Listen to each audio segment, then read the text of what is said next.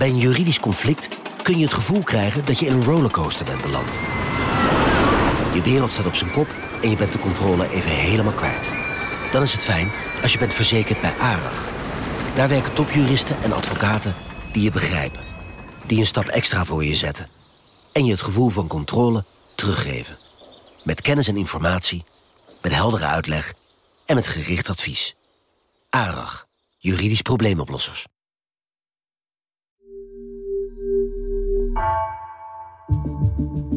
Vanaf de redactie van NRC het verhaal van vandaag. Mijn naam is Floor Boon.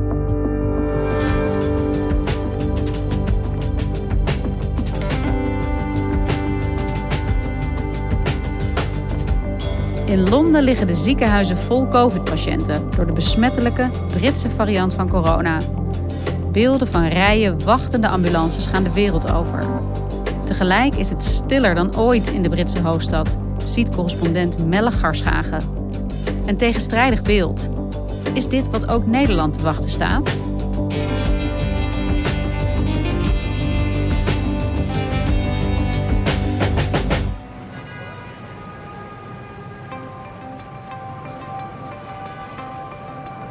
Op een normale dag, als ik door de stad loop, dan begin ik in mijn eigen buurtje, een woonwijk.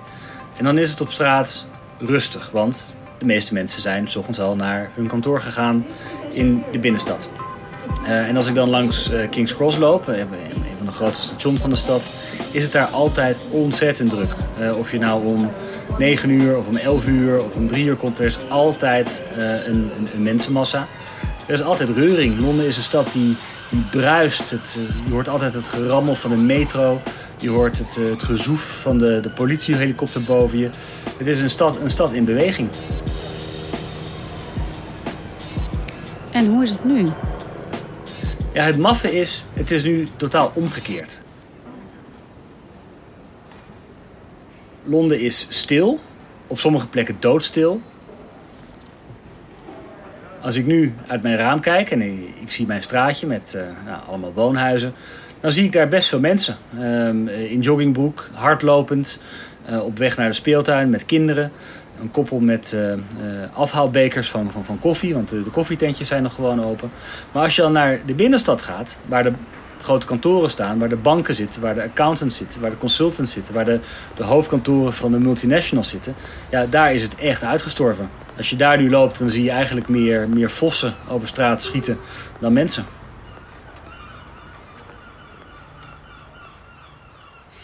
Je beschrijft eigenlijk een rustige stad, een verlaten stad. Een stad waar de haast uit weg is. En het klinkt sereen, maar tegelijkertijd onheilspellend zou je kunnen zeggen. Want hier in Nederland krijgen wij allerlei berichten over dat Londen ook een stad in crisis is. Wat merk je daarvan? Je merkt er vrij weinig van, eerlijk gezegd. Het, eh, Londen is geen stad die in paniekmodus zit. De burgemeester, die Kaan, die heeft wel gezegd uh, wat er nu gaande is, noem ik een, uh, een major incident. has been declared in London. The mayor made the decision to trigger the warning because of the pace at which people are being hospitalized with COVID-19 in the capital. Well, the reason I've had to declare a major incident today is because uh, I'm afraid this virus is out of control. Betekent dat hij de noodtoestand heeft afgekondigd.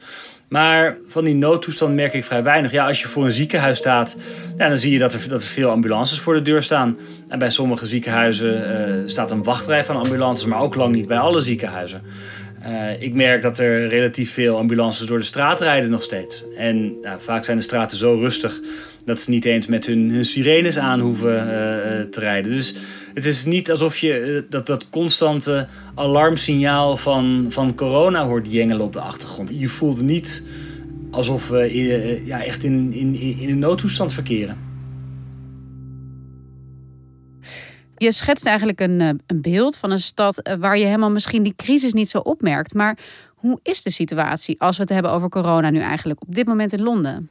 Ja, heel erg zorgelijk de zorg dreigt overbelast te raken. En dat is een term die ons inmiddels heel bekend in de oren klinkt. Maar wat dat eigenlijk betekent, is dat de artsen en verpleegkundigen in de Londense ziekenhuizen de toestroom van coronapatiënten amper aankunnen. Now, the number of patients being treated for COVID in hospitals across the UK is above 30,000.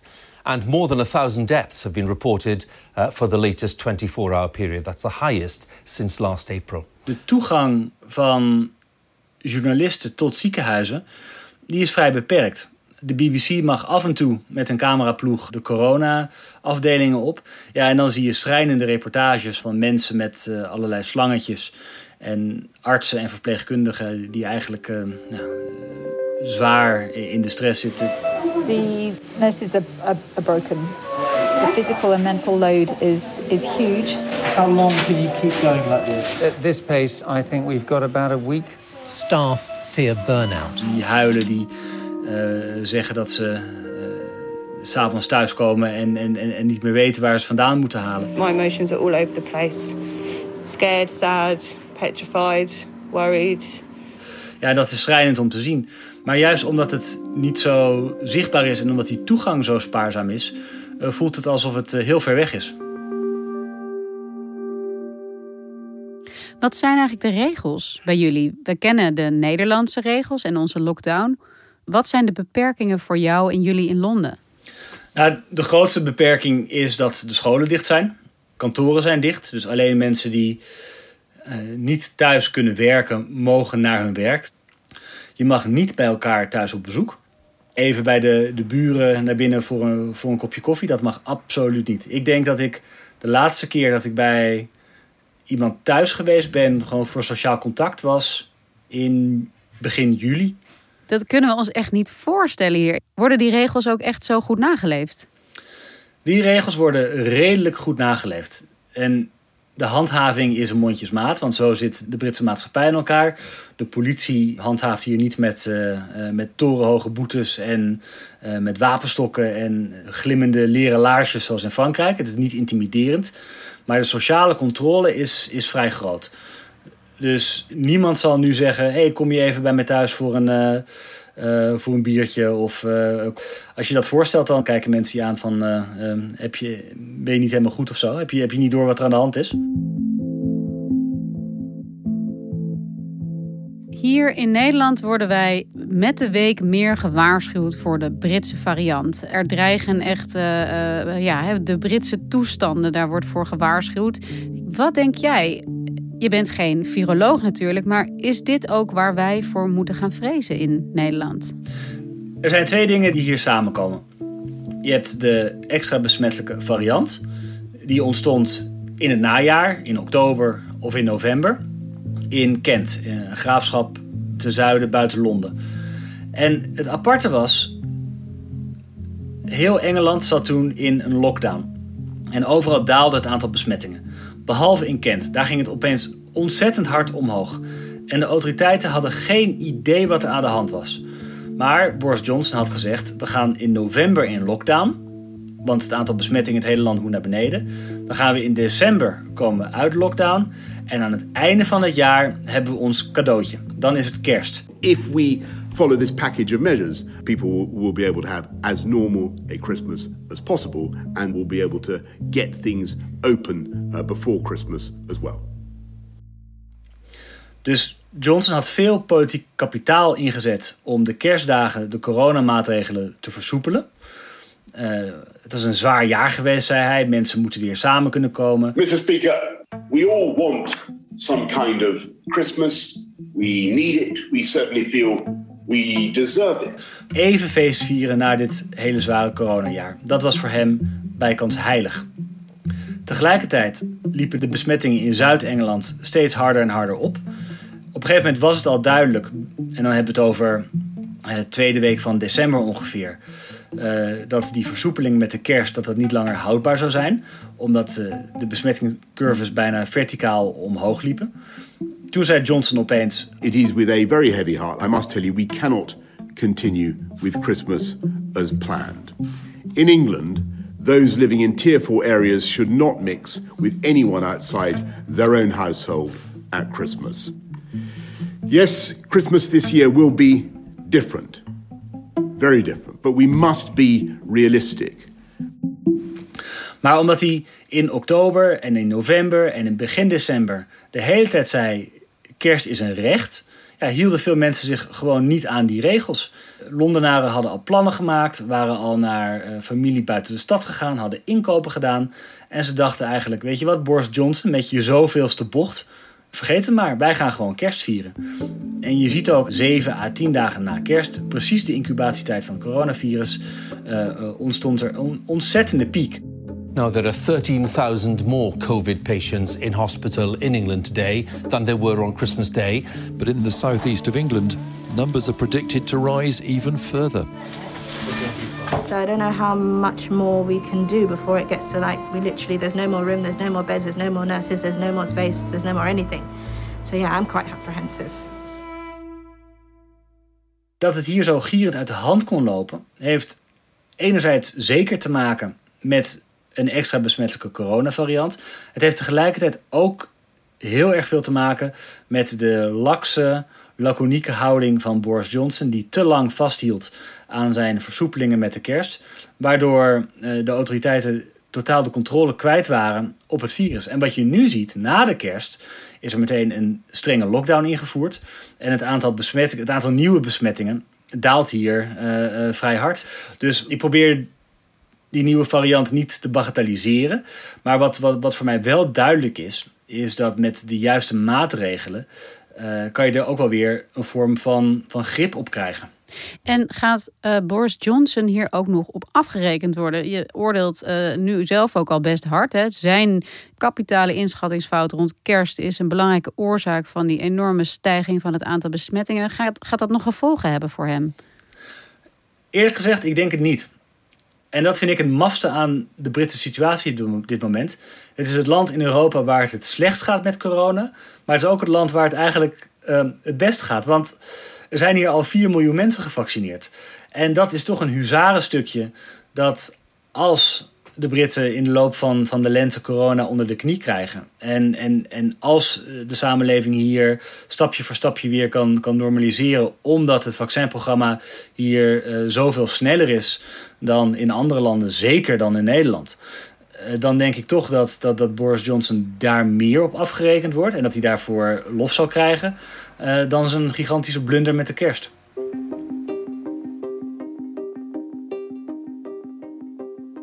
Om even over die vaccinaties door te gaan. Je zegt het al, 4 miljoen Britten zijn gevaccineerd. Uh, wij kijken daar echt met jaloezie naar eigenlijk hier. Want uh, hier komt het allemaal. Uh, het duurde het heel lang voordat het op gang kwam. Hoe komt dat nou dat die Britten zoveel sneller en voortvarender zijn dan wij hier? Ja, dat, dat is voor mij ook echt de grote vraag. En het precieze antwoord weet ik niet. Ik merk wel dat hier een, een mobilisatie is ontstaan waar zoveel verschillende mensen aan deelnemen, vrijwilligers. Die kan je in Engeland laten vaccineren in de kathedraal van Salisbury en in het cricketstadion van Lords in Londen. In ziekenhuizen, eigenlijk overal. Ik keek een paar weken geleden even naar de Nederlandse televisie en daar zag ik Hugo de Jonge verklaren dat het Pfizer-vaccin dat dat heel moeilijk was. Een ingewikkelde toediening eh, omdat het min 80 moet worden vervoerd. Maar het is ook op een andere manier ingewikkeld om te handelen omdat het in die enorme badges binnenkomt. Dit is een extreem ingewikkelde puzzel. En ik, uh, ik schakelde door naar de BBC en daar was een reportage vanaf de Orkney-eilanden. Ja, dat is echt in the middle of nowhere. Waar ze gewoon aan het prikken waren met het Pfizer-vaccin. Dus dat, dat is dus verscheept per boot of per vliegtuig naar een afgelegen gebied. Dat kan dus wel. Er is hier, en dat is deels ook altijd de strategie van Boris Johnson geweest, alle ballen op de vaccins. En, en dat lukt gewoon.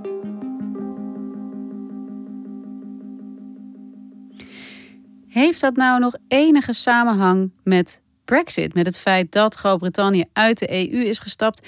Is het daardoor sneller gegaan dat de vaccins daar zijn goedgekeurd? Of moeten we dat helemaal los zien van elkaar? Een beetje van beide eigenlijk. Kijk, wat, wat de Britten heel slim hebben gedaan. Ze hebben al snel, uh, nog voor de zomer, hebben ze een vaccine taskforce uh, opgezet. De Britten deden dus niet mee aan het Europese uh, vaccininkoopprogramma. En konden daardoor ja, sneller en wendbaarder, zoals ze dat zelf zeggen, handelen. Aan de andere kant heb je ook nog de vraag van vaccins goedkeuren. En in de EU gaat het Europese Geneesmiddelenbureau daarover, de EMA, zit in Amsterdam. Volgens de regels die aan het eind van vorig jaar golden, moest de Britse toezichthouder nog het Europees recht volgen. Dat was onderdeel van de transitiefase van de Brexit. Maar onder Europees recht hoeft een EU-lidstaat niet te wachten op het oordeel van het EMA. Als er sprake is van een, een noodsituatie. Nou, corona is een noodsituatie. Dus de Britse toezichthouder heeft sneller dan de EMA een aantal vaccins goedgekeurd. Dat heeft helemaal niks met de Brexit te maken. Dat zou Nederland kunnen doen, dat zou Frankrijk kunnen doen, dat zou Duitsland kunnen doen, maakt niet uit. Maar wat je ziet is dat de Britten de enige waren. Dat alle andere EU-leden samen zeggen: nee, we hebben één toezichthouder, dat is het Europese Geneesmiddelenbureau, en daar wachten we op. Dat de Britse toezichthouder bereid was om eigen gereid wel gebruik te maken van, van die noodvoorziening, ja, dat heeft natuurlijk wel een Brexit-element. Want als ze gewoon nog nauw zouden samenwerken met de EMA, dan hadden ze, hadden ze misschien de druk gevoeld om, ja, uh, uh, om op te trekken met de rest van de EU. Dus er zit zeker een Brexit-element in, maar het is niet helemaal het gevolg van de Brexit. Want hiervoor, hè, we hebben heel veel, jij ook bij ons te gast geweest in de podcast. Al jouw stukken, Brexit is toch wel het thema geweest als we het hebben over het Verenigd Koninkrijk. Is dat nog aan de orde nu? Of kijken mensen echt alleen maar naar die dramatische situaties in de ziekenhuizen? Brexit is zeker aan de orde, want het is een feit. Maar het leeft niet. Uh, ik sprak vorige week een politicus van Labour. En zij zei: Ja, na de kerst hebben we die nieuwe handelsdeal met de EU hebben we goedgekeurd in het Lagerhuis. Hebben we over gedebatteerd, hebben we over gestemd. Uh, ik heb daar geen enkele e-mail van een, een kiezer over gekregen. Terwijl dat vijf jaar lang was dat het dominante thema. En nu is het opeens verdwenen. Ja, en, en, en dat komt door corona. Maar de effecten van de Brexit die worden wel steeds zichtbaarder. Uh, in in Noord-Ierland zitten supermarkten met, met lege schappen. Omdat de handel van verse, verse etenswaar tussen de rest van Groot-Brittannië en Noord-Ierland heeft veel last van, van extra regeltjes en papierwerk uh, door de Brexit. Hetzelfde geldt bijvoorbeeld voor de Schotse vissers. Die enorm klagen dat hun, hun verse vis niet snel genoeg bij de EU kan komen. En daardoor rottend op de kade staat in Dover, maar ook in, ook in Schotland. Dus de pijn van de Brexit wordt gevoeld. Maar waar dat zonder corona tot, tot een nationale ruzie had geleid, lees, ja, je leest er in de krant wel over, maar het is geen dominant thema. Aan de ene kant, Melle, zien we dus nu een stad of een land in crisis nog altijd. Intussen is Londen verlaten. Brexit is een feit. En die chaos die loert ergens. Zou je kunnen zeggen dat het Verenigd Koninkrijk nu in het oog van de orkaan zit, waar het nog even rustig is, maar zodra die storm overraast, dat het alsnog uitmondt in chaotische taferelen? Ik heb een andere theorie. Mijn theorie is dat dat is allemaal aan de hand en dat is zeer serieus. Maar je vergeet de vaccins. En de vaccins zullen de relatie tussen het VK en de EU in de komende maanden beïnvloeden. Ik denk dat als het vaccinprogramma hier echt zo succesvol is, dat corona hier sneller onder controle is dan in Nederland, dan in Frankrijk, dat de Britten zeer grote uh, reisrestricties zullen invoeren. Dat je hier, net zoals als je naar Australië wil, dat je twee weken in een hotel moet. Uh, dat het eigenlijk het, het, het, verkeer tussen het Verenigd Koninkrijk en de EU, dat dat bijna lam of stil komt te liggen. En ik denk dat daardoor de afstand tussen het Verenigd Koninkrijk en de EU in de komende maanden zeer veel groter zal worden dan het nu is. Het Verenigd Koninkrijk zal echt misschien het gevoel krijgen dat je hier geïsoleerd bent, pal voor de kust van Europa. Dankjewel Melle. Graag gedaan.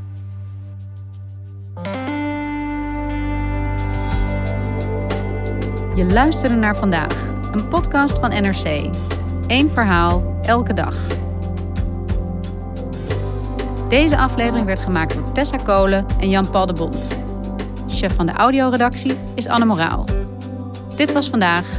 Morgen weer.